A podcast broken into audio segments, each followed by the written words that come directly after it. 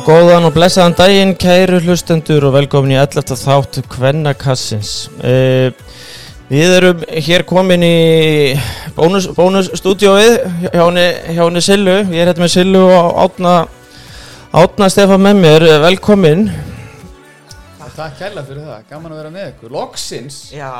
loksins verið að koma. Takk ah. fyrir Jóhann, þetta var góð kynning. Uh, sko, málið er nú það að við erum... Við erum hérna, já, bónustúdíónu því að bónus er að komið inn hjá okkur sem uh, styrtaræðli sem er bara frábært. Einnig erum við hérna með Ólís sem að, sem að ætla líka svona að reyða okkur eins veginn í, í podcast fjörinu öllu saman og, og þá erum við líka með Coca-Cola og hérna Dominos og ásand vinnufötum sem er að koma sterkinn. Ég meina, ég veit ekki mikkur, það er fátt mikilvægt heldur en eiga góð vinnuföt. Átni, þú ert nú alltaf að taka til í gardinum og eitthvað svona. Er þetta ekki alltaf með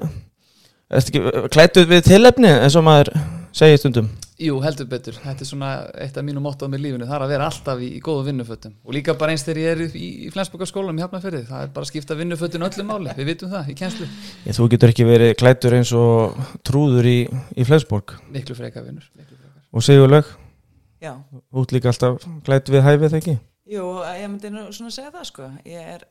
á mínar góðu vinnubugsur, yðnaða bugsur sem að maður svona fer í þessi helstu, helstu verkefni. Ég endar ekkit sérstaklega handlægin en það er önnur saga. En gaman að fá átnastefn hérna aðeins með okkur, átnum minn, það er gaman að sjá þig aðeins svona líka brosandi svona út í annað, þetta er nú búið að vera smá brekka hjá mínum besta manni aðeins undanfærið. Já, ja. þungur, þungur mánuð núna baki. Tók því í gegn bara hérna mjög nýla í, í podcastinu og svo ertu bara mættur hérna skell brosandi. Já, já, heldur betur, það þarf alltaf að vera stutt í brosið í þessu. En það er kannski meirum það aðeins síðar þegar, þegar, þegar við förum, förum í, í það allt saman. Hmm. Við skulum bara vinda okkur aðeins inn í þáttinn og bombum okkur bara hingað.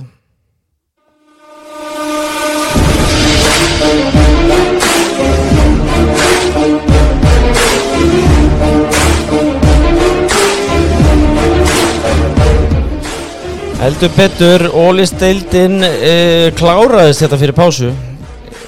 í gær með stórleg, afturhaldingar og hauka í Mósesbænum og við getum svo sem bara byrjað aðeins að rýna í, í, í, í þann góða leik. Þar var hérna sem hart barið svona aðeins framanna við, hvað segir þú Sigurleg, hvernig er svona, er eitthvað sem komur óvart í þessu? Já, kannski, þú veist, að maður held kannski að haugarnir myndu vinna þetta svona auðveldlegra en Svo, þú veist, eins og ég segi, afturhalding bara spilaði nokkuð þétt og nokkuð vel þannig að það kannski svona, þú veist, ég held að vera stærri munur en eins og ég segi, afturhalding kannski bara líka búin að koma mér á óvart í vettur þannig að ég verði alltaf ánaður og ánaður með þess að nýlega okkar í deildinni. Já, heldur betur, ég meina hjá afturhaldingur Hildur Lilja með, með 6 mörg, Katrín 5, Anna Katrín 3, Susan 3 og Ragnhildur með 3 mörg en Það er töpuð svo leik svona, já, tiltölulega samfærandi 22-26 var eitthvað í þessu átnum við, sá, við sáum kannski, kannski mest óvart að Elin Klara var ekki með vegna ökla meðsla sem var svo sem særi náttúrulega haugalega riðilega sem hún býr til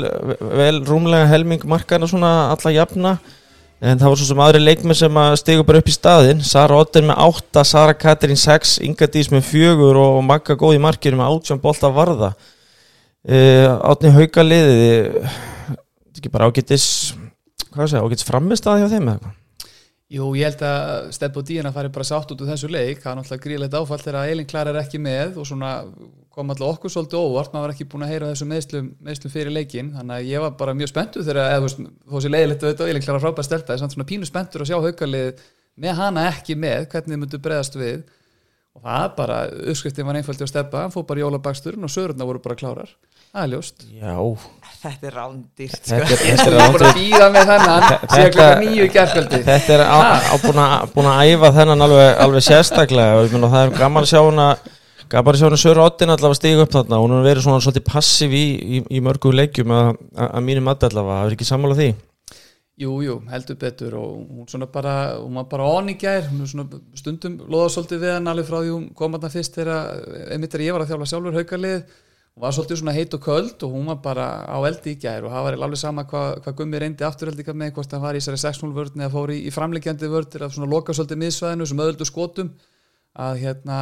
þá bara gætt Sara farið upp bara vel út á vinstri væng og þetta söng svolítið í skeitunum oftar en ekki. Þannig að það var bara já frábæðilega gaman að sjá hana og og svo eru svo líka bara hinum megin. Öllu hægra svo sterk gegnumbrottsmanniski þetta hægra með og finnur alltaf eitthvað plást þar sko. hún er svo snögg, hún Sara. Hún flotta fótavinnu. Og ég varandi Sara Otten þá finnst mér líka kannski pínu með hana því að ég myndi í hitti fyrir átt hún svo gott tímabil, sérstaklega sóknarlega. Hún er alltaf búin að vera frábær varnarlega. En mér finnst þetta svona ofta myndi snúast pínu um svona sjálfströst þannig að ég vona svona hægt og rólega að sjálfströst hennar sé að koma því að þetta er auðvitað bara stelpa sem á að vera með 10-15 skot í leik að mínum að algjörlega það er engin, engin spurning og, og Margaret er náttúrulega góð í markinu alla jafna og ég menna hún náttúrulega fór nú hérna var viljandi að, la- að landsliði í fyrra og, og kannski, ég veit ekki kannski finnst henni hún eiga að vera hann ennþá næri þessu eða maður veit ekki, þetta er búin að rána með Margaret í vetur átni Já, Marget er bara góðu markmaður og það sem náttúrulega hjálpinni líka núna er, er að hérna já, þessi getur kannski tekið bara eins inn í síðasta tímabil eftir að haugarnir svona fóru að bakka eins meir og spila bara þétta og góða sexual words sem komst bara ágættis reynsla á í fyrra og svo náttúrulega er búin að byggja bara meira á því núna, búin að fá inn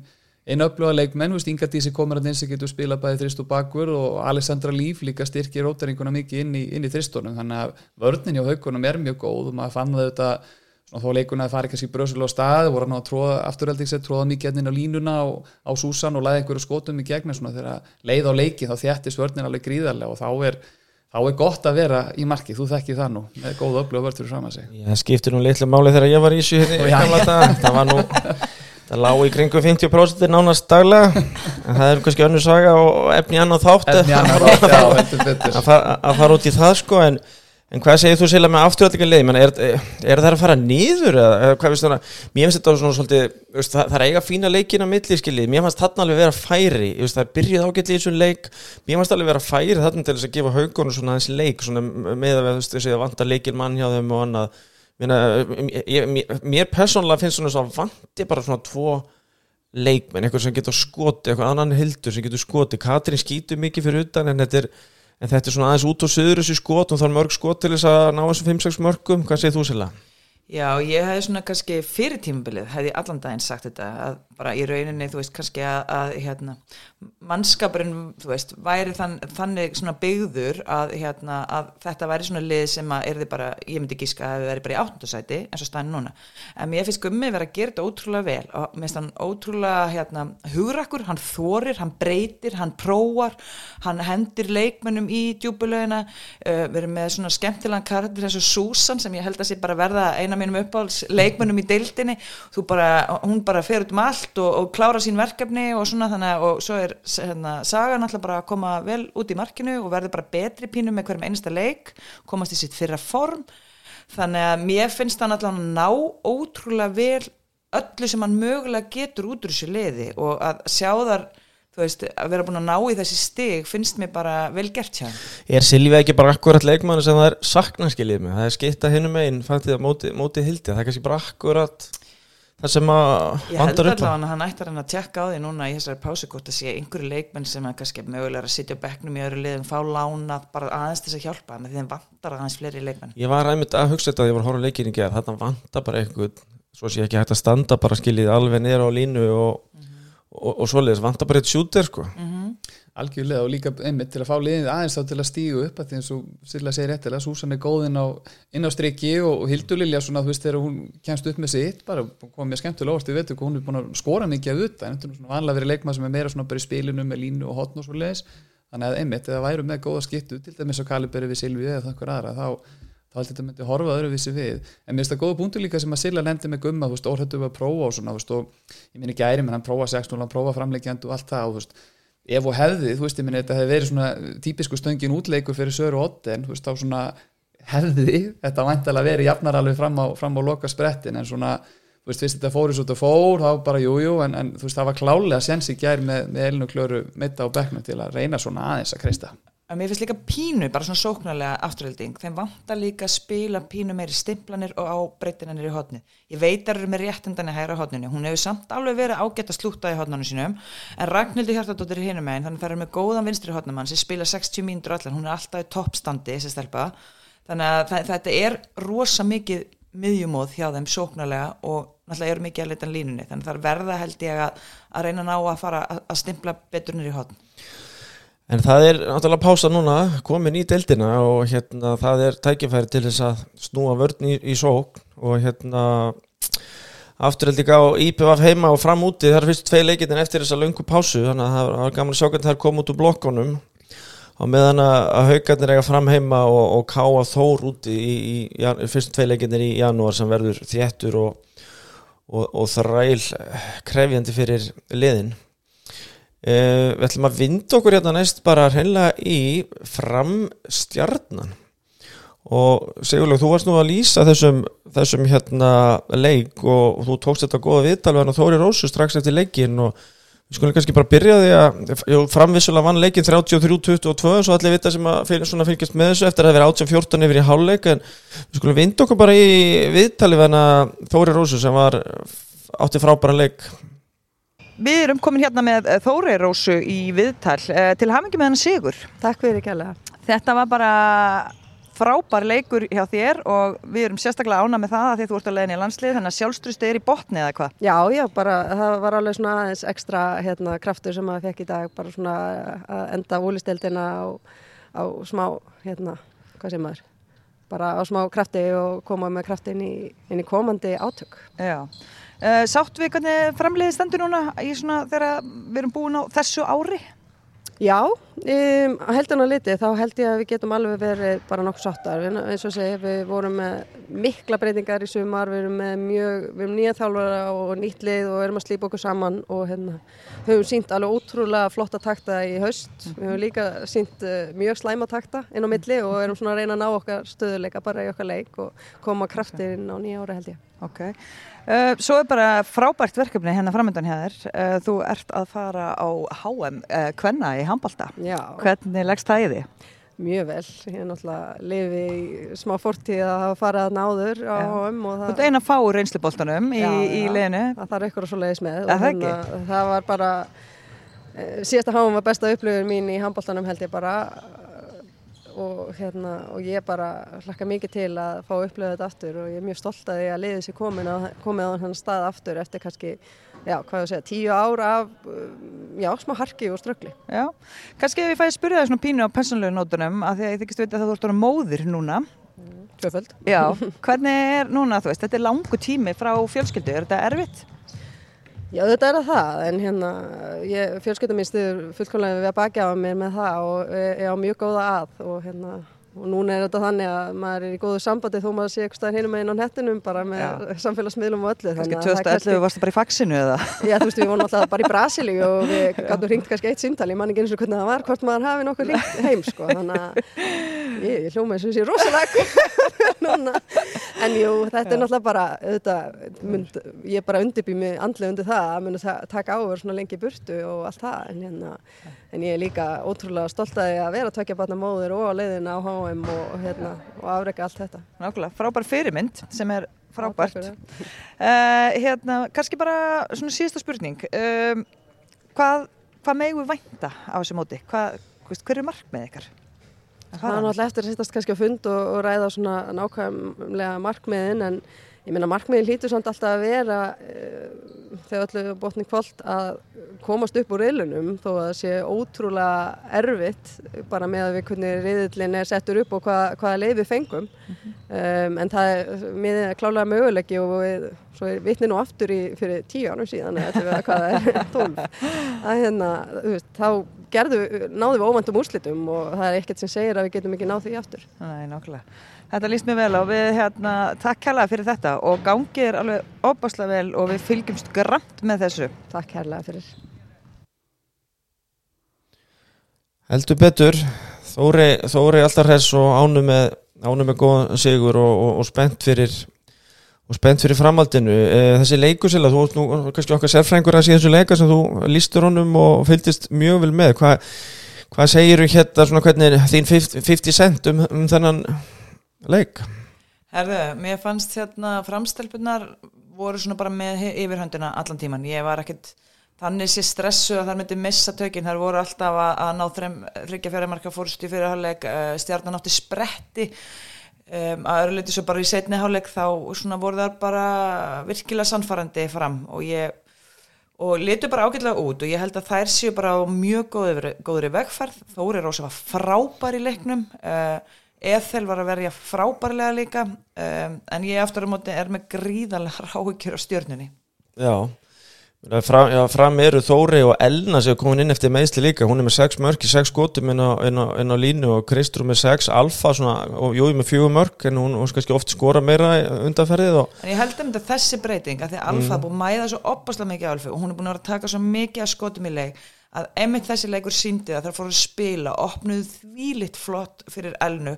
og stimpluð á milli, gerði þetta pínu saman en svona einmitt í byrjun tímabilis það var alfa svo mikið að ströggla að reyna að bera allt framleiðið á bakinu en núna er hún ekkert bara búin að smetla inn í þetta, það er fleiri að taka skarið komli fleiri leikmenn, minnst það bara líta bara nokkuð vel út. Skapa svakalega breytt í þessu uh, átti stjarnan, Helena er vissulega á, á fína leik með nýju mörk og Eva kemur svo með fjögur og,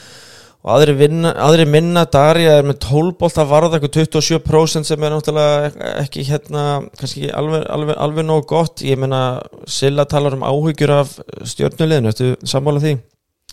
Já, tímalaust um, sem alveg vita kannski alveg vita kannski fyrir tímambili að, hérna, að það er því brasa á, á stjórnuleginu núna. Voru menn, menn stóðu ekki í röðum að býja eftir að þjálfa þetta. En að Sissis bara svaraði því kalli og, og ákveða að taka slægin um, en svona þú veist að því sögðu þá kannski horfum að samt yfir byrjunalið hjá stjórnunu, ég menna þetta er ekkit, þetta er ekkit gali lið Ég meina að berið þið saman, bara svona ganni, þið berið saman stöðu fyrir stöðu, stjörnuna og fram, skiljið þið bara, það er ekki bara hóttn og vinstri skittu, skiljið mig,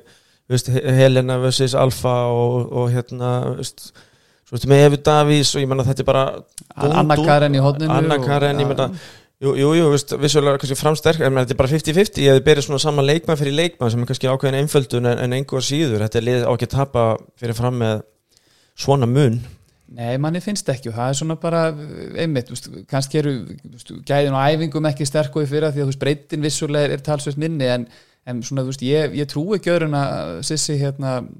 svona reyni hvað hann getur núna í pásunni að slípa þetta betur saman og mér finnst stjarnan eiga eiga heilmikið inni en, en hérna en það er svona, þú veist Sissi tala um það í vittal eftir leikina, væri gott að fá pásuna núna, en veist, ég held að þurfi samt svona þú veist, það þurfa að nýta hana rosalega vel því það er heldur ekki gott að fara þú veist, með öll þessi töp á bakinu inn í svona langt frí. Og sérstaklega þú veist, og enda á svona hauskupuleika á, á móti fram þannig að það verður mjög frólægt að sjá uh, hérna, þær koma tilbaki í hann Ertu með hverja þær eiga, fyrstu, fyrstu tvo leikina? Já, ég get bara, já, næstu, það er Ká og Þór heima það, það er fyrsti leikur, þannig að það er alltaf bara algjör möst Ég en það svo, var, er þetta já. valur, valur úti í, í, í, í kjálfarið en Ká og Þór heima lítur, þeim leik lítur að vera stilt upp bara sem ég það er, leik já, það er bara, hugsa ykkur það, það fara bara inn í úslita leik bara strax eftir, eftir pásu, í raun og veru. Og hann, hann er fyrir norðan eða í, í heima, hann er heima já, já, sest, já fyrir þær. Það er bara miðið möguleiki það er, það svoleiðis, er líka bara eins og ég segi þegar á að spila þessi kabla sem það náðu sem að voru að spila vel á móti fram þá sérðu bara úr hverju það eru gerðar en þess á milli þá er þetta bara einstaklingsframtak, það er ógislega langt varnarlega, það vantar næsta varnamann risaplás, Elna fekk þú veist, hvað á Darja að gera skilur, veist, þannig að það voru heldur ekki varnarlega að reyna að reyna að fá þessi skot sem Darja vill og getur sendt þessi löngu sendingar, þannig að það er þurfa klárlega að nýta sig sama sóknarlega, þetta er bara inn á miðjum og það er náttúrulega ekki með örfenda leikmann fyrir utan, sem þýðir kannski að þetta skapast mikið í stimplunum hægra megin. Víktis í hægra hóndinu, hún spila 60 mínútur, hún á ekki eitt skot. Nei, þetta, er er, er er ekkit sestat sko, það bara sem dæmi sko. Að það, og, og það er ekki mikið stimpla heldur í vinstra hodni, ég minnir Anna Karin hafa verið með þrjú ég man ekki hvað voru mörgur hraðaplum kannski eitt úr hodninu þetta er bara, þú veist, það vanta bara það vanta bara, þú veist að, að það er svona hristi sér saman. Það snýst ekkit um að það getið ekki eða kunnið ekki, það leikur bara eitthvað annað á liðinu. Áttu frábæra leiki, menn það er áttu mjög öfluga framistöðum áttu haugum í raun og veru leik sem áttu, áttu að klára svona, það er flestir, flestir svona sammála um það. IBVF leikur líka hérna undan fít en, en niðurstaðan er einhver að síðu svo hérna mótið er eh, rétt svo hálnað og, og það er bara þrjústi í pókanum sko. það, er, það er og, hérna, já, mér að káa, káa þóri með fimm hérna aðeins fyrir ofaðar og afturhelding með fjögur, það er svo sem þetta er bara svona þeirra veruleik í dag, það er bara að koma sér upp úr þessum bótt sæti og bótt sætum það er ekkit, það er ekkit hægt að líta mikið ofar að það í, í billi sko bara í sér pásu, þar fyrir bara að fara í grunngildin, þú veist, þar eru alveg potið með efni við, þar eru með allt sem til þar. Þú veist, ég held að þau eru líka bara, emitt, þess að segja, kannski er standardin á æfingum kannski náðar ekki í, í stóran hóp til þess að hafa góðan æfingarhóp en það fyrir að klárlega koma sér í hansi betra stand líka, þú veist, geta hlaupi kannski aðeins niður, þar eiga að fá góð hraðablöfsmörk með geggjaðan markmann og bara nýta sína styrkleika en þú þetta er rosa skrítið að segja það í áttundasæti, ég er bara stein hissa af þessu sko. Mm -hmm. Já, þetta, þetta er hérna bara glúpur sem að hefur bara alltaf, er svona sí, síðustu ár alltaf verið að svona í topp fjórum sko en sjáum hvað setur, ég vissum að ég vissum að Sissi hérna, hann lítur að fara svona hrista, ná að hrista þetta eitthvað saman, þetta er góð pása og, og svo sem svo sem ég ekkert annað að gera en að býti í skjaldarendur átni, eða ekki? Jú, jú, alveg klálega og það er bara, einmitt, ég held að væri svona, væri stertjaðum og eitthvað sem þeim er nörgulega að gera, það er að þú setja svolítið fókusin á, á að geta slípa vörnina betur til og fengi darfi í gangi í markinu, það myndi bara skipta sköpum fyrir þær og reyna að fá eitthvað einföldum mörgum þá hraðaplöpum á móti með, með snögga og flotta hotnamenni því, það er yfirleitt svona klassísk formúla í svona stöðu. Heldur betur, eh, við ætlum að henda okkur bara næst yfir til Vestmanniða, skellum okkur í Herjólf, maður er að tekja margar skemmtilega ferði með þeim, góða báti hérna í den þegar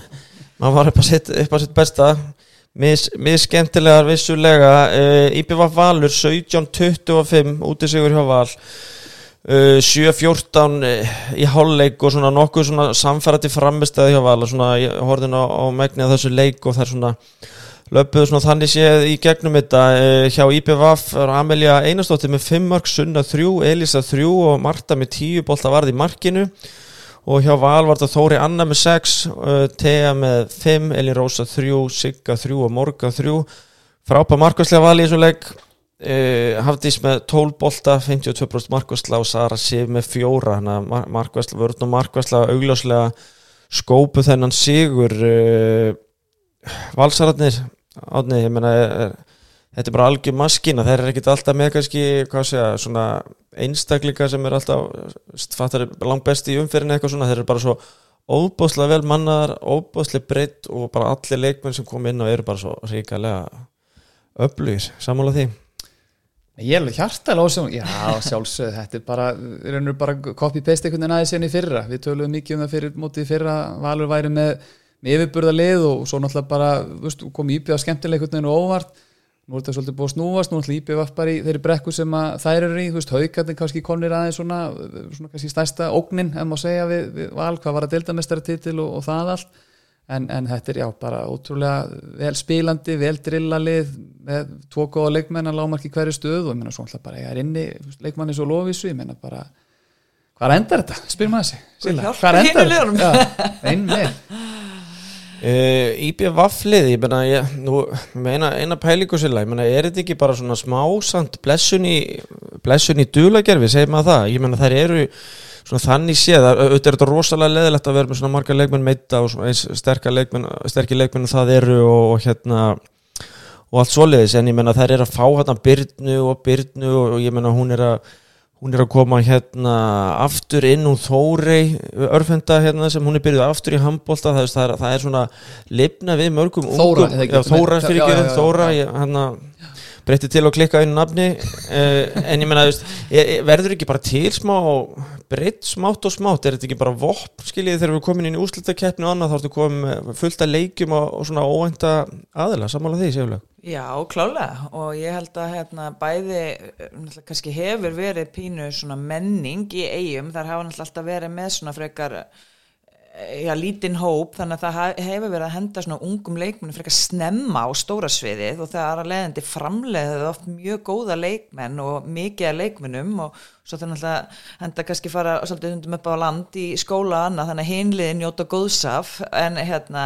en klálega ef þeir fá, ef að Hrafnildur Hanna og Byrnabergur klárar eftir áramót þá er IBVF bara komið breytt. Breytnei? Já. og svo já, Brittany auðvitað náttúrulega líka já, ég er bara svona komið með örfenda leikmann í henni Þóru mm -hmm. sem bara getur að leysa byrnu af og ég manna við, við hérna veist, hún er bara dundur leikmaður, íþróttastelpa og hún er færið svona góða párt til þess að koma sér í topp svona handbóltastand mm -hmm. uh, ég menna hvað sé þú átni, ég menna IBV fært ekki sammála þessu, erum við ekki að tala um IBV verði berjast um þetta í lokin þó þetta svona lítið svona svona út akkurat í meðslum Jú, bara veltur auðvitað á, á hérna á því hvort og hvenar þessi leikmenn koma inn eftir meðslin en veist, ef, að, ef að það er von á þeim eitthvað eftir áram og þá náttúrulega bara verður, verður íbjöf eitt af, eitt af hættulegri liðunum þegar kemur úslakefni og,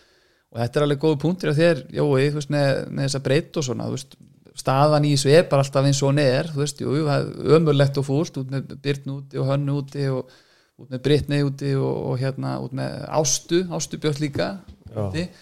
Uh, og hann er ekkert mikið eftir en, en þú sem þjálfar er bara þarft alltaf að vinna úr stöðun eins og nér og ég held að þetta sé svona glasi hálf fullt hérna, teika á þetta. Það er, bara, veist, það er unga stelpar að fá tækifærið og þú hefur núna smá tíma til að koma um inn. Frábært að fá Þórubjörg aftur inn í þetta. Bara gæða leikma, þess að þú getur list bæði skitt og hótn og góði vörd, góði vörn og þú veist þannig að já, ég held að hérna ég held að þetta muni svona, já þegar hólmennu komið geti verið kannski pínu svona ásöp í ermina því að í fyrra náttúrulega fengu íbjöð að það feitt í baki úrstakefna hafi ekki neina breytt til að, að hérna svona halla sér á þegar leikjálaði jóks til, til muna. Gætu það ekki aðeins svona lært líka svona kannski aðeins af þessu? Og ég að tala um kannski svona samsetning og liði þetta er kannski uh, mögulega of mikið bíl hérna úr svona fyrstu sjö og svo niður í það sem að teku við eða skilji hvað að fara, gætu það lært eitthvað af þessu, var þetta samsetningu liðs og þannig? Já, en svona, þetta er kannski erfitt bara, ég held að Silla hafi sagt það hérna, þetta er alltaf erfitt með veist, svona lið út á landi, veist, það er alltaf bara eins og við þekkjum, það er ekkert bunkara leikmannu sem, að, sem eru tilbúinir að hérna, flytja yfir og, og spila með þeim og þú svo alltaf bara er þetta stundum happa klappa mikilflokkana hvað þú færðu upp. Þannig að þau svona, já, stefna kannski undanferðin ár hefur svolítið verið á fyrstu 7-8 max leikmenna og svo bara algjöru kjúklingar á bakvið og, og þá náttúrulega þetta er er þetta fljótt að fara frá þeir og missir eitt og leikmenni meðsli og þetta er kannski íkt svolítið staða núna en, en jú, í drauma heimi held ég IPVF myndur nú ekki setja hendina mótið í að vera með hoppis og valur sem dæmi. Já, kannski eitthvað millivögur Það er eiga afturhaldig úti og ég er heima eftir, eftir uh, landsleikapásu og hérna, það er tilvali fyrir það að, ríkja sér í gang þarna í þessum tveimu leikjum svona, svona fyrirfram á, á, á það litið. Uh, Við skulum bara vinda okkar hvaði kross og skella okkur, og því við erum að ferða svona almennt, og skulum skella okkur hérna norður og í Káa Þóri Ír sem fór 1922 fyrir Ír eftir að Káa Þór hefði verið yfir 11-8 í hálfleik. Hjá Káa Þór var þetta Litja Gunnarsdóttir með 5 mörg, Nathalia 3, Isabella Fraga 3. Þetta er svona þessum að dróðu vagnin í markaskori og Matti Alónas var frábær í markinu með 15 bolta varða. Hjá Írikonu var þetta Karin Tinna með nýju mörg, Hanna Karin fjögur, Ásteldu fjögur, hodnamenni sterkir, Sara Dögg með þrjú og 15 stöðvanir og 8 sköpu færi á henni. Það þýst ekki allt um að skora mörg í, í handbólta, þannig erum við með gott dæmið um það og Isabella góð í markinu með 11 bolta varða, tæmlega 40% markuslu. Eh, við byrjum aðeins á Káða Þórliðinu, Sigurlaug, þetta er alltaf bara bullandi fallbáta það er svo sem ekkit annað framönda þar en þessi, þessi leikur menna, áttur þú vona á Sigri þarna eða menna, hvernig svona? Já, ég menna ég held að Káa Þór bara, veist, þetta er útrúlega slemt tap fyrir þær, ég menna þær eru að berjast náttúrulega við liðin, allan sem þú hefði kannski fyrirframhaldið að væri hann fyrir neðan þess að reynda náttúrulega er í er bara hann er miða deilt og hérna bara í blúsandi siglingu hjá þeim, þannig að það er kannski hérna er kannski svona pínu hérna, já, önnur staða uppi en þetta eru klálega stig sem þær vildu fá og náðu ekki og hérna, það er náttúrulega pínu ágefni Káa Þór er, þú veist hafa ekkert verið að sína einhverja rosalega góða spilamennsku, hefur komið einhver svona einn og einn leikur, þannig að ég held að hérna, það er svona eins og fleiri kannski lið, það er bara þessi pásar held ég bara pínu kærkomin hjá þeim. Það er að byrja þessi tvo leiki með brasilíska útilínu Brasilíu brasilíska leikmenn í þessum þreim stöðum fyrir utan ég, ég áttið nústu mikil þekki söguna vel í handbóltanum mannst þú eftir að sjá svona samba sambalið í ólistætt hverna áður, þrýr brassa fyrir utan, þetta er sérstækt Nei, ég ég man ekki eftir jó, í brasilískri útilínu í ólistætt hverna og ekki síður ólistætt kalla, það er farið eiginlega bara kannski norðan Alpafjalla held ég að þetta sé svolítið það er kannski sama, kannski, sama hvert þú ferð á Norðurlandunum þú, þú sér þetta ekki. En öllu, öllu grínislefti þá fylgist ég náðist með þessu leik og, og ég menna þær voru samt bara alveg fínar í byrjun með þess að þrjá ár fyrir utan. Þetta var svona aðeins hvað sem meira svona tempo og þetta var svona aðeins raðara spil heldur en ég svona séð áður hjá þeim. Og sama tíma var vörninn góð og svo var hún að verja alveg eins og brjálaðingur í markinu Matti að lóna svo hún, hún enda með 15 bolta ég held hún að veri með 10-11 í fyrirháleik og þetta voru viti og 6 metra skota alveg út í eitt og algjörlega stórkoslega í, í, í fyrri háleiknum og svo, og svo bjónd líka til mörg með sendingum fram og, og þannig. En þetta er svolítið saga Káaþór ef hún er sko, með svona suttalega varkvæslu þá er það svolítið að hanga inni og hafa verið að taka stíðin sem hún hefur en þetta er svolítið svona stendur að felli með henni sem er svolítið erfitt að fara inn í leiki alltaf það sem þú þarfst að búast við markmannum að því að markmann er ekki alltaf svona geggjaða leiki en þetta er svona, þeim vantar, það vantar svona eh, hesslumunin að, að hérna, þú veist, að því að til dæmis Rakel í hotnin er ekki að fá mikið að móða, náttúrulega bara allt önnu staða, Rut náttúrulega er ekki, hún er bara vara að mata hana síðast þegar hún var hérna, sko, þannig að hérna, þeim vantar svona aðeins að, að hérna, já, bara stilla strengi og ekki að segja það. Jú, algjörlega og svo kannski líka svolítið vannmeti að, að hérna, vissu þetta Hildililju líka mm. yfir til afturheldika sem var nú bara svolítið skapandi og góðu leikmári fyrir sem hafi gott auðvað fyrir línuspili og hotnum og, mm. og öðru slíku þannig að já, ég sammála þessu að vanta svona kannski sköpunarkrafti núna, þetta eru meiri svona kannski kraftleikmenn einn á móti einu sem getur skotið fyrir utan en svona, svona spilið er svolítið öðruvissi frá því sem hann var og eðlilega bara þegar vantar inn leikmenn að borða þetta en það er svolítið svona skrítið að sjá það, ég var næst að fletta einn upp með að þið voru að ræða saman sko, Káa Þóri búin að ná í þrjústi og heimaðalli á tíumbil og þetta var klálega leiku sem að það eru þurfti að veðja á að fá eitthvað út og veist, það rætla sér eitthvað í þessu ekki bara einhverja fallbarótt og veri í einhverju, einhverju tjóni þegar mótið er búið þá held ég að þurfi heldur betur að gera heimaðallina eins meira við því það á að vera ógæslega erfitt að fara alltaf norðu fyrir og ná í úslit sko. Já, já, það er eiga stjórnuna út í fyrsta leik eftir pásu og svo haugana heima þannig að það er, það er byrja hérna á hörku prógrami ég, ég er samanleikur að hérna, mestu leiti með K.A. Þórslið en það eru svona bara ég sér þryggjarlega pakka sem eitthvað raun og vera orðið þetta neðri að reyna svona að tósa sig upp úr því og þær þurfa að gera enn betur ef að vel á að fara en er svona að í erliðinu, ég meina Sigurlega, hversu hátt geta, geta þær flóið? Ég menna þær eru búin að vera bara frábærar og bara algjörlega, sko, algjörlega í svona óvendasta framistæða liðs á, á tíumbilinu. Hvað hva geta, veist, er það á réttust að geta gert enn betur, hver, hvers getur Sola farið með þetta? Já, ég, hérna, mér finnst þetta, það er bara því litt hrósa á ílið, mér finnst það bara að vera að spila skemmtilegan handbólta, mér finnst hérna, það er ákjöfið um, það er hraði í þeim, það er einhvern veginn, það eru er struktúrar, það er keirupraða, það eru samt skinsamar, það er henda, þú veist, jú, jú, auðvitað fyrir einhverju boltar, skilur, en það eru samt, það, það er gott skipula hjá þeim, þannig að, sko, myndi kannski fyrirfram með hópin þá myndi maður svona kannski segja að þetta væri kannski svona cirka báta hæsta sem það næði. Ég reyndar held að það geta alveg unnið líka fram kannski á góðum degi. Það er, það er búið að vera flensa í herbúðum íringa og ég er að tala um vist bara mikil flensa. Þannig að og karantína var ekki með á móti fram og það náttúrulega er ekki með mikla breytt þannig að það kannski henda, já, henda ekki sérstaklega vel hérna en jú, ég myndi Ég myndi segja kannski svona þriðasæti væri alveg kannski allra hæsta sem það getur náðu sko en hver veit? spiluðu veikar hann að Sara, Sara Dögg og Isabella var það ekki? Og ég menna það er svona, einmitt að gaf kannski ekki alveg gaf ekki alveg svona rétt að mynda við í liðinu akkurat síðasti leikur en ég menna, ég, ég veist þetta líka bara upplúið karat ekki sammáli því áttum ég, veit, ég er alltaf að spyrja hvort þetta er sammáleikur en, en ég menna að fara á norður vera þreymur undir í háluleik og það vita það allir það er alveg trikki að fara, fara á akkuriri og, og, og spila en sterkur karakter í þessu liði, sammála því? Já, já, engi spurning og þetta er Sammála. Þetta er ekki sammála. Ég er bara hjartalega ósammála því já. Þetta er bara át og hjá mér núna Ég veit ekki okkur en það er bara sættaði við það. Já. Jó, heldur betur og þetta er svona Þetta er, þetta er, þetta er svolítið Hvernig maður orða þetta? Þetta, þetta er, það er svo gaman að sjá Þú veist svona lið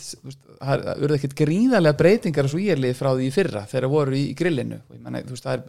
bara sem dæmi töpu fyrir FH held í einu, einu af lokaleikjunum í deildin áður en að umspilið hóst uh, en Saradök kemur inn í þetta og bara sko því líkur happa fengur sem það hefur verið fyrir lið.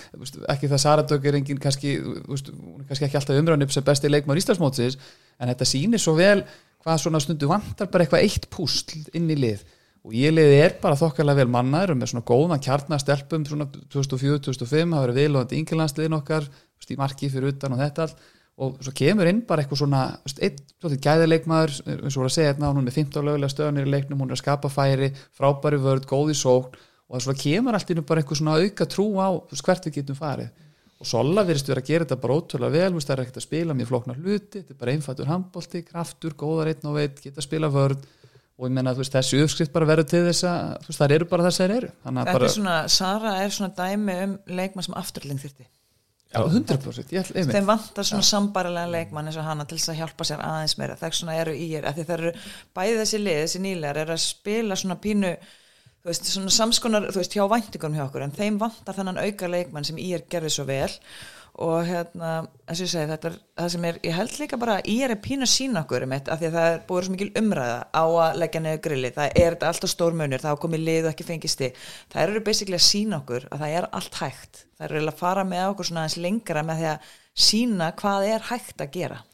Við erum allir svona að kunna sín takmörk líka í liðinu, það er, að skiljiði mig það eru einhvern veginn, Karin Tinna er svona að draga vagnin, hún skýtur mest skiljiði mig, svo, svo er það með þessa sterkur gegnabrótsmanniskir hægra megin í Matildi og, og Silvíu. Og, og, og svo einmitt Sara svona getur gert allt í reynu veru, hún getur alveg, alveg dreigja markaskorun en hún er aðalega heldur hún sér svona svona gangandur, svo gaman að sjá hvað að keira líka bara, er keira og keira og keira í baki á anstæðingunum alveg endalust sem að er svona mjög góðu formi. Já, það virðast vera í mjög góða formi. Ég, þetta, er, þetta er hérna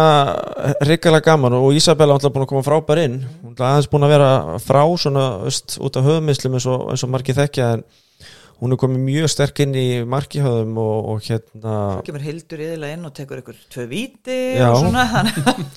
Það er, það er, ekkit, ekkit verra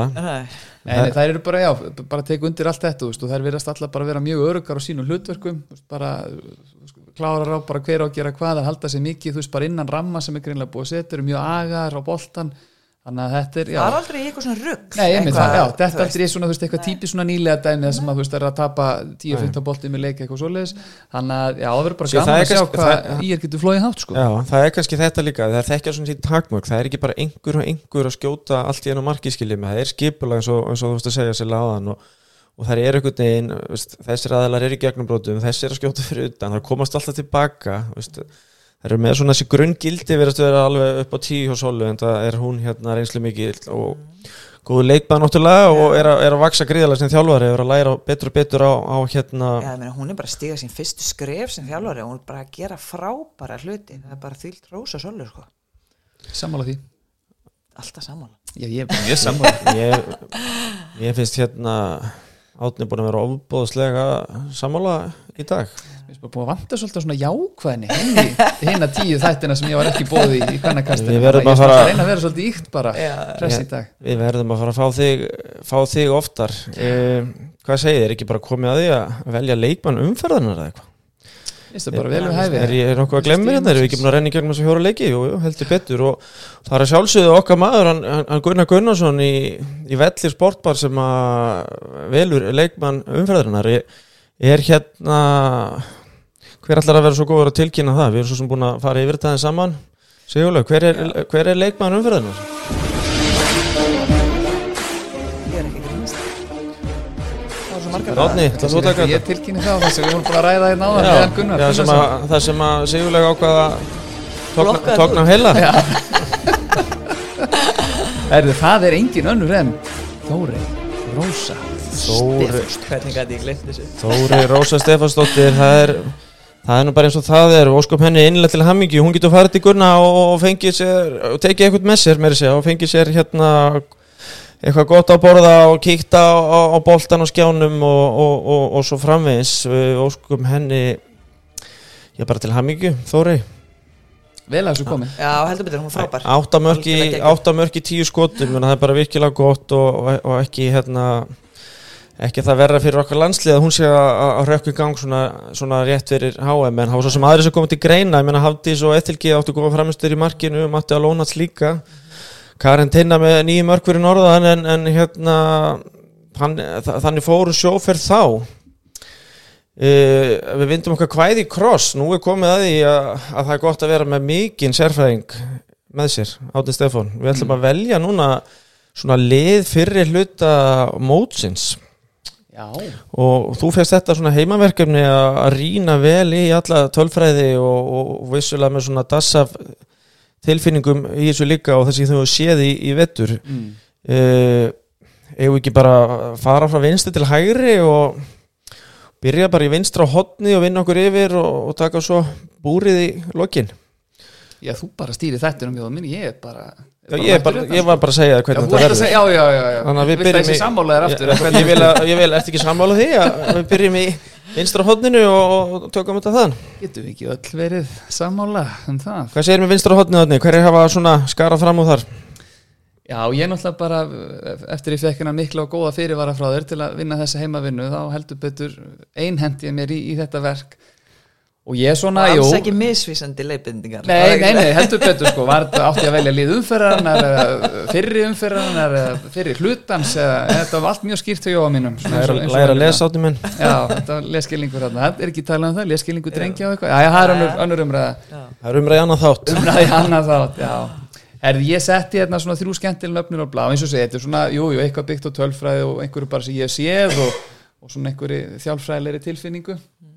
ég setti hérna blá Hörpumör Marju í, í fram, Önnukarinn í, í stjörnunni og, og svo Lilju Ágústóttur í, í val. Og, og einhver svona eina af þeim sem að þú vilt taka sérstaklega út fyrir? Já, ég sko ég, ef ég ætti að velja af þessum ég myndi eiginlega bara læðupúkast með hörpumari, hann hún er bara búin að koma með bara mjög skemmtilega og óvart í vetur. Hann náttúrulega talað um að hérna, framleiðið yrði í, mikilli brekku búin að missa náttúrulega sterkar pósta í, í, til dæmis- til dæmis í, í Perlu Uh, og áttu náttúrulega að missa fleiri en, en aðja, það er umræða í annað þátt með grillið á það. Já. Uh, en Harpamari hefur bara komið skemmtileg inn í þetta og bara hérna, nýtið sín færi flott og já, ég myndi bara nefna hana. Ekki, ekki málið, vinstri bakvarastæðan Já, viltu að ég taki það líka en ekki silla mín eða? Já, Já, ég- Já, það er bara svolítið, ég var bara að taka þetta. Já, já, það hefur ekkert breyst hérna síðan við vorum að tala saman á þann Það er hárið Já, ég myndi setja þar, sko, það er Alfa í fram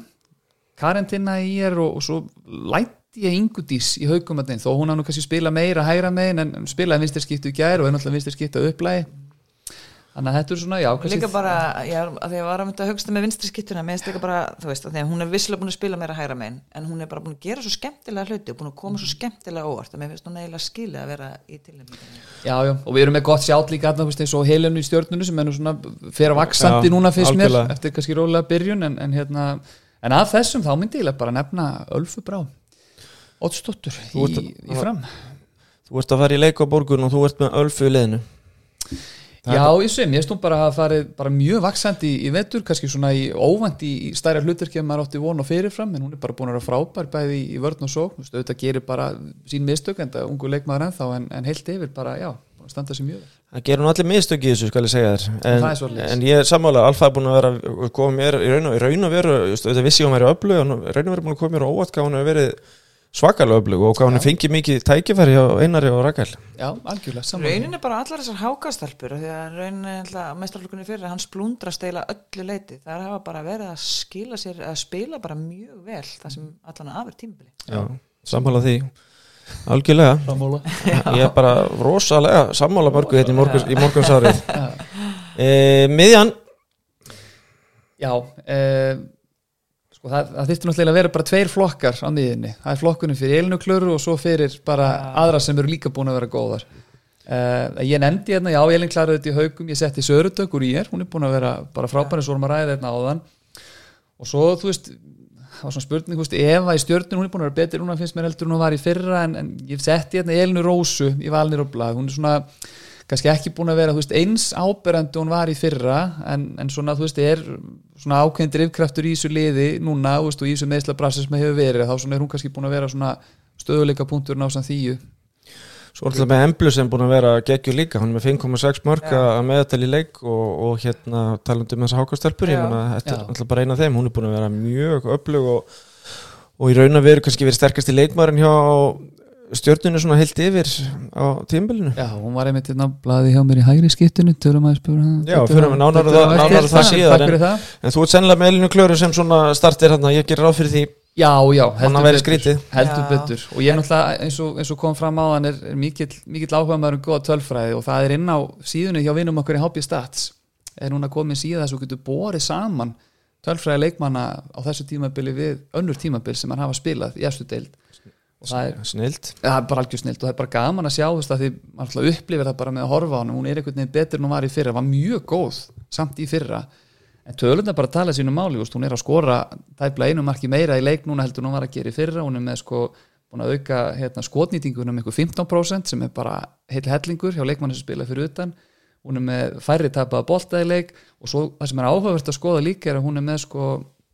ölliti færri lögleg stopp, gulspjöld og tværmyndur á sig því er svona, hún er mæðir minna á henni núna í vörnin enn í fyrra. Ég held að það sé líka hjálpunni að taka þetta skref upp á við, að þú veist hún er auðvitað allt í öllu sóknarlega en hún varða þetta svolítið líka í vörni fyrra, hún var bara svona eins og tasmanni og djöðuleikurinn út um all. Skinsa bara kannski núna með reynsla. Já, ég held það, ég held sér líka bara fleiri leikmenn í haukarleginu sem að hérna, geta stíð upp þar og það, svona, það eru fleiri sem er að taka á skari þannig að hún fær svona öllíti meiri pásur varnarlega kannski en hún hefur verið að gera og ég held að það sé að skila sér í, í enn betri framistu og, stim, og stimpla líka meira til hæri Já. og þar er yngadís að, að hérna, búin að eiga frábært tímubil líka mm, þannig að það hangir allt saman Akkurat. Hægri skiptustadan, höldum áfram Já, heyru, þar var að nógu að taka þetta Já. er svona kannski fyrst mér heilt á liti, kannski bara einn sterkasta staðan í ólisteildin allavega á þessu tímanbili. Þar var ég með á bladið það í þýja í, í val og, og Hildur Lilja í afturheldingu, búin að koma okkur stórskemmtilega óvart. Ég var með Emblu í, í stjórnunu sem var búin að spila svona kannski meira þar heldur en, heldur en inn á miðunni.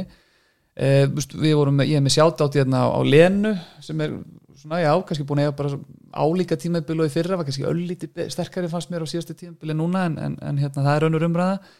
Og svo þetta sko ef maður fer og kíkir þessu tölfræðina þá náttúrulega trónir ennþá á tópnum sko yfir mörka meðaldali leik. Það er Pyrna Berg Harastóttir mörka já, í, fimm, fimm leikjum í þessu fimm leikjum sem þú skoður og, og gaman er myndið að sjá þú veist, ég fór og tjekka á því líka og svona bara næði saman við fyrra þú veist, tímanbili hún er komið tilbaka til meðslin ég menna þetta er bara eins og nýr leikmar mm. fyrir íbjöðaflið, þannig að það er ótrúlega synd og hún hafi dottir svona snemma út. Já, en það er svona kannski líka eins og, eins og að þið voru að tala um emblu að því að það er svolítið erfitt að setja hana kannski bara í einhverju stöðu, að því að hún spila bara alla stöðnar, að því að við varum þetta að hugsta þegar maður fóru að pæli þessu með liðið að getur svona að hún er búin að vera best hjá stjórnuna held ég getur maður sagt heilt yfir. En hún er svona það er kannski erfitt að setja hennar einhver, í einhverja ákveðna stöða því hún er, tekur í allar frjá stöðnar Fjö, Fjölhæf. Já. Já. já, hún er svona, ef maður að fara í frasabókin hún er svona bara, þú veist, svisneskur vasanhýfur þjálfónar, hún getur bara leist Já, er búin að býja eftir þessu. Já, ég er búin að býja eftir þessu Nei, mér hugsa ykkur að vera með bara, þú veist, bara klára maður sumránum hana, veist, að vera með svona leikma sem getur spila vinstra meginn fyrir utan, hæra meginn fyrir utan á miðjunni, hún getur leist bakverð vel í vörð, vinstra og hægri, getur í neyð tekið þristastöðuna líka, þú veist, hún tekur vítin, mm -hmm. góðeitn á einn, áskot fyrir utan, getur spila, þú veist, hún er bara, hún er orðin broslega heilst eftir leikmaður, svona einhvern veginn allt í henni. Og hún er sko fætt 2005. Já. Þú ert að fara í leika á morgunótni, hvað tekur hæra meginn? Hver, hverja? Já. Ég held að það sé mjög erfitt að öllu þessu sögðu að ganga fram hjá þýju eins og staðanir í dag, bara frábær í, í vörn og sókn og, og hérna við að taka vondi landsliða eins og eftir. Við stilta hún sé bara á góðu stað núna á leiðin út á, á stórmót með landsliðinu. Sammála því, hægra hot? Já, þar eru nú með, með kunnulinu upp, það er Þóri Rósaði fram og Þóri Anna í val og svo svona ég laumaði hérna Rakelsörinn úr Káaþórf, aðalega bara því ég er bara svo ánægum sem komin aftur heim í deildina hún hefur hérna lengi verið eina mínum, mínum uppváls bara frábær leikmar í vörn og sókn og svona karakter líka sem hún er. Eh, en þú skort nú sé ég sitt besta tímabíli svona kannski þór nú ekki alveg að dæma um það það búið að vera að brekka á káaliðinu eins og við erum búin að ræða káþósliðinu eh, en að þessum þá verði bara velja þóri rósu, það er bara svo lis Já, hún er líka búin að vera sterk hérna. Ástildur í er að vera að standa sem mjög vel Algjörlega, þú tala líka fleiri, heldur betur, fleiri sterkbrotnar baki Það er hægri skitta hægri hot erum við með gríðala mikið að sterkja leikmunum í ólistildinni það er svona pínu skrítið sko að það var mun erfiðar að velja Já, já, sammála því og við getum tekið líka veist, lítið talað um leikmenn hjá, hérna, hjá Haugun sem er búin að bara eiga frábært tíðanbíl Ragnar er búin að vera mjög solid í hotninu þar og svo erum við stelpur svo Sonnilind sem er búin að fara mjög vaksandi líka. Já. þannig að já, við erum ekki á við erum ekki á flæði, skeri stöð örfenda leikmenn. Ég er svona aðal ástæð líka fyrir mig langa að velja Þórir Rósu er að hérna, þegar við vorum nú í öðrum þætti í fyrra sem var sjómarspað tölum ekki meir um það. Nei, nei. að hérna þá tók ég nú alveg eins og tvisar og var svolítið svona gagnið dagis, mér fannst hún ekki vera búin að eiga frábært móti fyrra og svona með hvernig hún hefði verið ofta áður og umræðan var einhvern veginn hvort hún væri hennilega bara svona veist, á loka metrunum á fellinu menn hún er heldur betur búin að svara kallinu í ár og, og talandu um leikmenn sem er að fara inn í landslæsverkefni ég held að hún sé bara á, á frábærum stað núna og það er líka báðar þóraðanar það eru svo teknískar. Veist, þetta eru svona veist, alvöru svona hotnamanns slútti sem maður kallar Já. sem kannski maður sakna pínu vinstarmegin í vinstrahóðinu Já, ég er sammála því, við erum, erum miklu tekniskari hægri hóttamennir teknískari. heldur en Já. vinstri. Já, samanlega því og Þóri Anna getur náttúrulega leist líka, er að leysa líka skiptustöðuna hjá Val Algjörlega, sko, sem er alltaf mikill Fjölhæflega. kostur að vera með, vera með þannig hornabann þannig leikmann. Já, þá var það strikið okkar. Já striki góða. Þó ekki Nei. Herðu, þar á þar á blaði er ég með það er Elna í fram Ditta eða Hildi Gunnur í, í val og, og svo sett ég Elisu mína í BF líka sem, sem þriða mann þar. Já, algjörlega. Hva, hver, hver svona hver, hver er að velur í liðið á morgun? sko ef, ef ég myndi velja einmitt akkurat í dag að fyrir morgundaginn þá held ég myndi setja bara Elnu í fram. Ég stóð hún hafa komið bara frábær linnlita núna eftir, eftir meðslin og áttu náttúrulega frábær leik núna síðast. En maður horfður svona kannski heilt yfir á fyrir luta þetta myndi nú kannski svona taka þetta vörn og sók en hérna en bara já, mér Elna var komið frábærlega núna inn í, í framliðið og, og er svona bara fungera vel með hérna með útilínni Hún er eins og ditta sterk bá með hennar vellinum. Góði, góði vörð líka. Al, Já, og hún er bara búin að spila lítið þannig að mér stóð mjög hugur ekkur að setja henni akkurat núna í liðið af því að hérna, hún er, segja, er að koma inn tilbaka eftir gríðarlega erfi meðisl en hún er að gefa framleiðinu mjög mikið. Hún er frábæð varnamæður og var gaman að sjá hvort það er muni nýta en það er svo skemmtilega líka vörð sem hún spilaði með háka þá sem hún var frammi virtist aldrei verða þreytt og geta spilað 60 mínútur sama hvað þannig að ja, þetta verður svolítið gaman að fylgjast með henni. Já, algjörlega, og svona, svona til að klára þessi mitt, akkur ég valda hann líka, því að alltaf mikið talað um að þegar steinum færi að talandu sterkar pósta sem framleiði búið að missa að þetta er því heldur betur vandir að staða en ég held að það veri líka bara, þú veist, einmitt kemur með til liðsins og er að koma inn rosalega pressa á en að til liðvera og mér finnst hún bara að hafa gert það. Þannig að ég, já, ég ætla að svona veðja svolítið á, á, á setjum hlutan með að setja hann hérna í liði hjá mér. Svo ætlar að standa á þessu? Já. ég stend og fell með þessu já, Sæll. Þá er það bara markið átni Já, þar sett ég á blað, það er Matea, vinkonu okkar í, í Káa Þór, það er Hafdís Reynardudóttir í, í Val og, og svo sett ég sögu sef í, í umfa. Já Ég er ekki alveg sammálaður hérna í öllu en, en ég, ég, ég svona hefði sett niður Hafdísi, ég hefði sett Söru Sif valsmarkur líka Valur er einfallega bara með tvo að mínum mati tvo Já, af þreim fjórum bestu markurinn í deildinu svo finnst mér hún Marta í IBVF bara að vera besti markmarinn í þessari deild En sko. svo, sko, Það er svo heldum áfram svo er Ísabra búin að vera frábær í hér og hérna ætla bara góða að í þið, báðu mig um að vinna þetta verkefni, þannig að það er flott í okkur að segja Við skoðanir. bara Sko Mart, Mart, Marta var hérna eftir svona 5-6 umferðir áður en að þetta, þetta meðsla vesen byrjaði allt saman í eigum þá var hún með lang sterkustu tölfræðina svo kannski eðlilega í ljósið þess að það sóknarleikurinn meira 6 metrar skotum í kjölfæri og vörnin bara búin að veikjast líka, þess að posta sem að dottuð og út. svona að- aðeins droppa niður en, en hérna það sem Marta hefur líka fram yfir að hún er yðurlega með stóðsendingar og mörg í leik þegar Já. að IBF-lið er heilt já, að frá, frábær hotna markmaður líka finnst mér, rosa sterk í þessum 6 metra skotum uh, Átni Stefán, af því að þú fjárst nú þetta verkefni ég ætlum ekki að fara að taka að þér hérna á loka sekundum Nei, mér fannst fullt bara allt í einu Já, ég bara- ég ver- Flottir í neikvæðin skýrin hérna ég verð bara stundum að fá að tjá mig þessa stöðu. Ja. en hver, hver er tekur nummer eitt í leikin sem er ekki á morgun? Já, ymmit leikinu ekki morgun. Já, en bara aftur, til- ég tek alveg undir þetta með ykkur. Það er bara, við erum búin, búin að eiga mjög marga góða markmenn núna í ólisteildin það sem af er og bara skemmtileg blanda líka af leikmennum sem eru eldur og reyndari og bara einmitt yngri stelpu líka eins og Ísabel einmitt en að þessum þá held ég að sé aftur erfitt að lappa fram hjá Hafdísi Reynardudóttur í stöðunu sem hún er í núna, hún er hérna með, með bestu markvæslu prósutuna af markmennum í, í ólisteildinni og, þessi frábært fyrir hann að fara inn í landslýspásuna með, með þessa góða framistu núna móti, móti IBVF og við heldur betur þurfum á henni að halda ef við, ef við ætlum okkur eitthvað í Noregi. Ég get allavega sagt þér það, ég sammála þessu. Jæja, það það er mjög jákvæð er rosalega gaman að segja frá því. Heyrðu, við ætlum að vinda okkar kvæðið aðeins í, í kross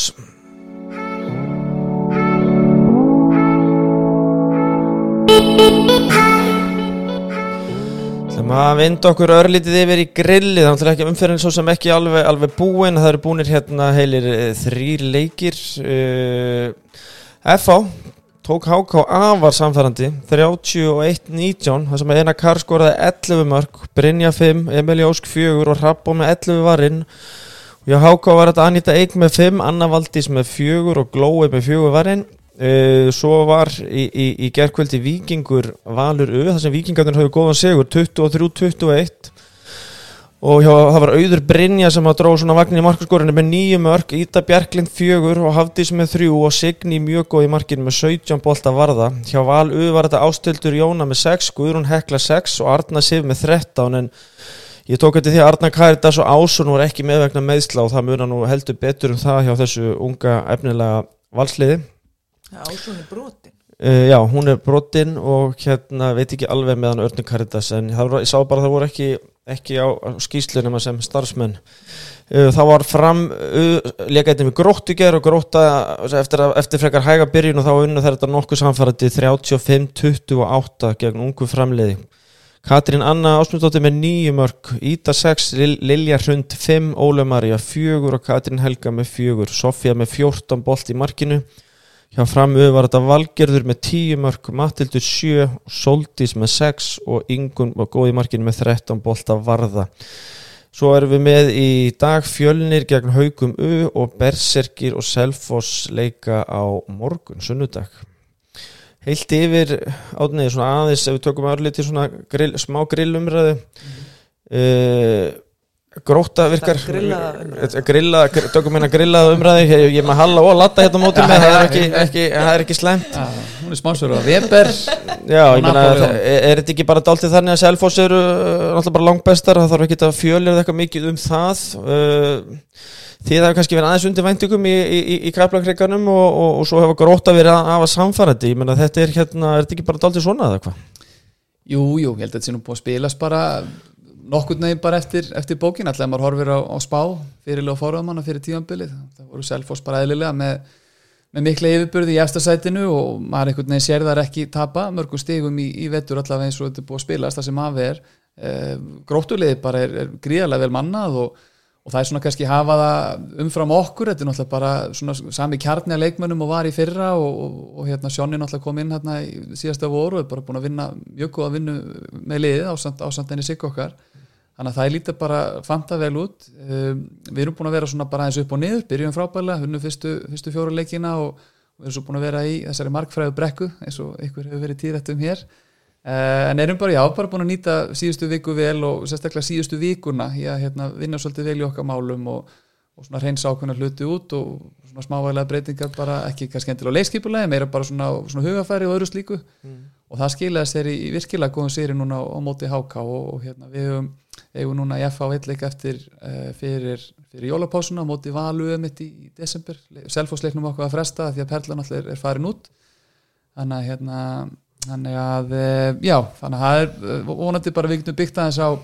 á þessum góða séri, en þetta er bara ótrúlega skemmtileg deild núna að spila í. Uh, vikingur eru, eru, eru búin að eiga hérna bara mjög góð tímabil og, háká þó við höfum ná góðu leik á móti þá unnu þar okkur í byggarnu núna ekki alls fyrir löngu. Þannig að það eru mörg góð lið í deildir núna og þetta verður, verður síður en svo auðvelt að hérna, enda í, í þessum efstu fjóru sætum sem að gefa þá umspilið Algjörlega, það verður mjög spennandi að fylgjast með því hérna í vor. Já, ég meina, vikingarnir hafa komið mér allavega óvart. Ég vissi ekki mikið um vikingsliði svo sem, en ég sé að þær bara vinna vinna svona bara alla leikinni maður sé allra, allra sterkustu og gaman að sjá hvað þær gera í úslutakefni, það verður mjög spennandi að sjá þetta umspil, umspil í lokinni, sammála þýslega Já, bara búið að vera hérna, skemmtilega vinna líka bara í vikinni, bara svona hægt og rólega í nokkur ár. Og það er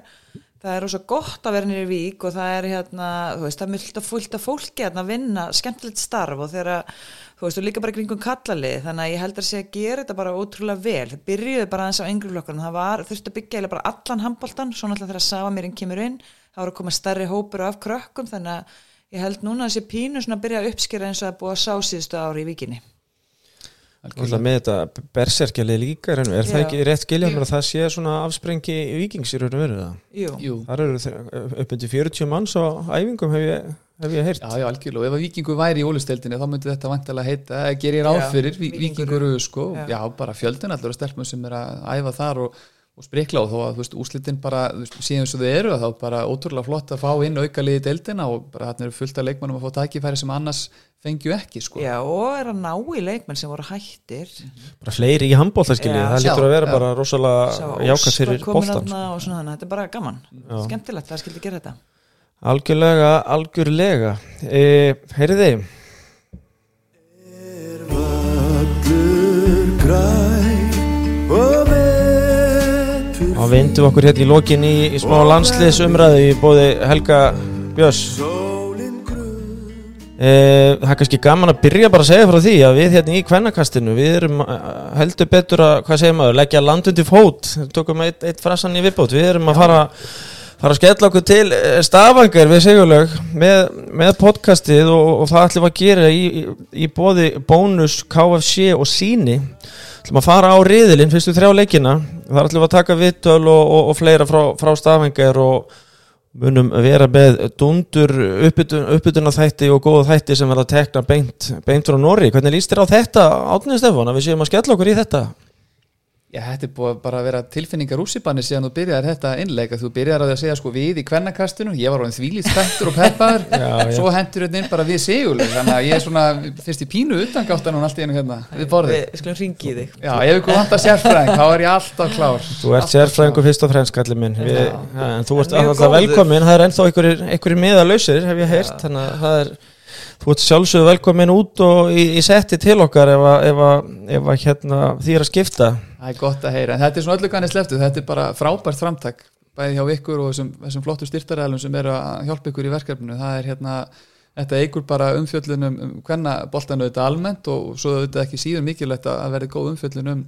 um landslið okkar sem er að fara núna að háa mér fyrsta skipti í, langan tíma síðan bara, var ekki síðan í, bara í Brasilíu? 2011 Hvernig erstu stendur átni fyrir allansliðin okkar, hvernig, hvernig, hvernig lístir á kepp, keppnina, ertu bjassið nána riðil eða sér þið fyrir þér eh, eitthvað strögl? Já, ég heldur verðum bara að vera raunsam með það, þetta er gríðarlega erfiður riðil sem við lendum í, þetta eru, þetta eru gæðalönd sem við erum að fara að spila á móti og hérna veist, maður svona, var svona vonastilis við fengjum kannski svona, segjum ekki þægilega leik en svona eitt alltaf svona sem við hefum getað farið inn í bara með, með kassasóldi úti en, en þá alltaf fáum við Angola sem er bara með hörku handbóltalið þannig að við erum að fara að sigla inn í þrjá alvöru leiki eh, svona hinn kannski hinn hliðin og teiningnum í þessu er að, að þetta bara fá að mæla okkur á móti löndum sem eru bara mjög framalega í, í hvenna handbóltanum og og saman svo sem hver úslitin verða þá verður þetta gríðarlega góð og mikil reynsla fyrir, fyrir leikmenni sem er að fara út Um, það hefði þetta verið gaman að þú veist fá að hafa inn, inn í leikmenn sem eru bara frá ávegna með Ísla þú veist Bergur, Harmildur, Hanna og, og Steinun og, og fleiri sem við getum nefnt til. En, en eins og við tölum um með Sigga Brá Íbjafliða þetta er bara staðan og þetta er leikmannahópunum sem Ati og Augusti hafa úr að velja. Og, og eins og segið það verður bara það verður að nýta þetta bara þetta tækifæri vel sem við erum búin að vinna okkur inn. Sigurlaug, hvað Þú lítur, þú lítur að vera jafn spennt og ég að vera að vera að fara þetta á svona og... Já, klálega og hérna fagma því að þessi meiri umfyllun um uh, bæði landslið og auðvitað kvennahambaldan og þakka kærlega þessum fyrirtækjum að vilja vera með okkur í, í þessari vegferð okkar. Og við ætlum að gera sannlega að gera okkar allra besta. En varandi riðilinn þá held ég að þetta verður mjög krefjandi verkefni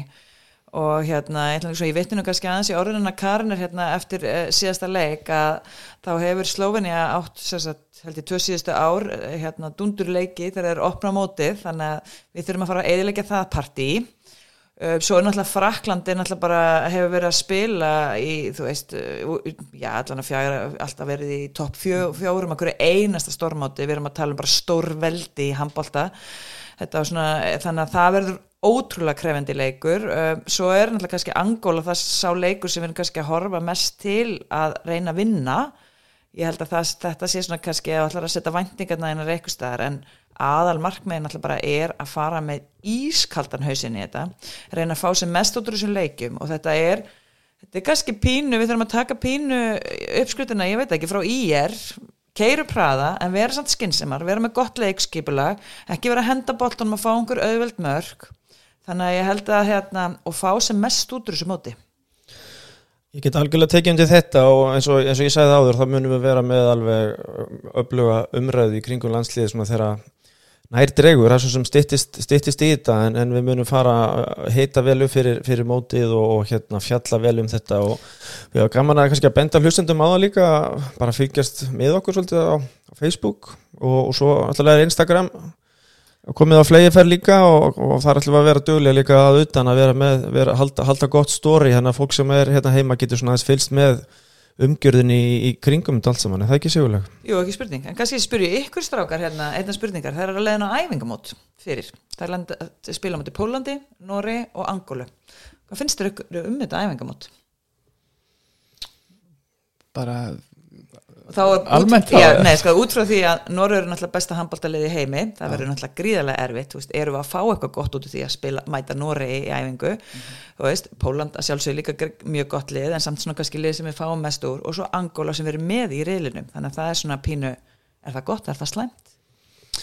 Já, ég held að sé sko bara út frá þjálfarvinklinum þá held ég að við bara tökum því sko fegins hendi bara fá sko yfir höfu landsleiki í þessu, hver einasti landsleikur hann telur, telur drút, sérstaklega svona ef maður horfur á það leikmenn sem eru bara yngri kantin með landsliðinu og svona kannski að stíga sín fyrstu skref.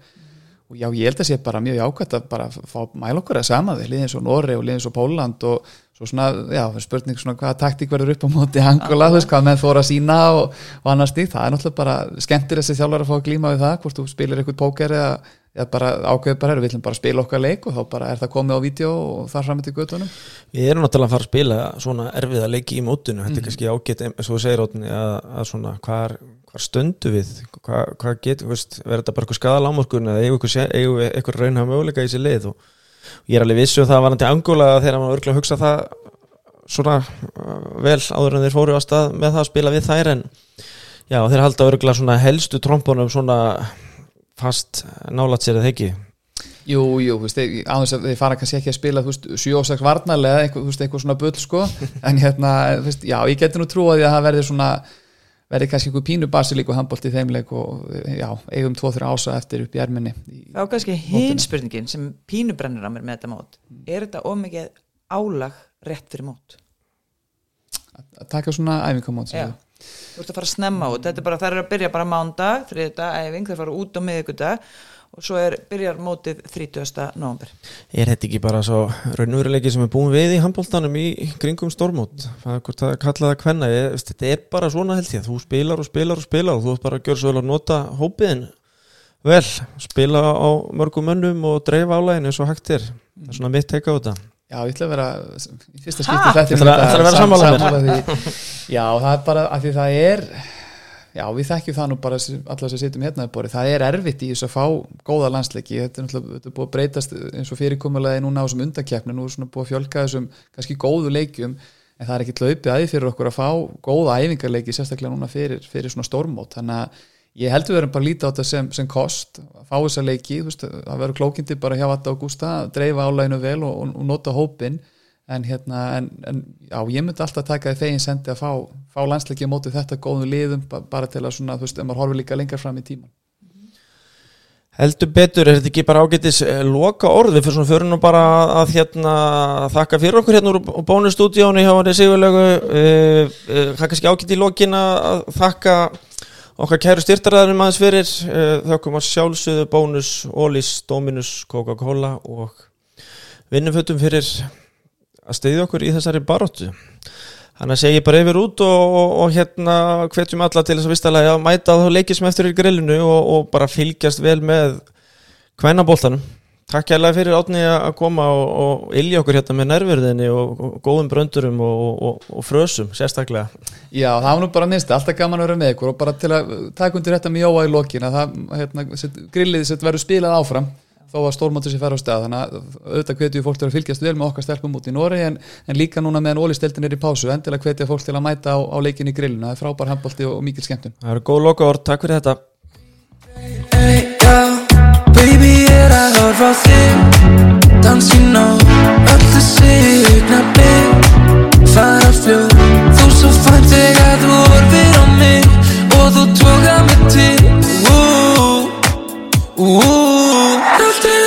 mosquito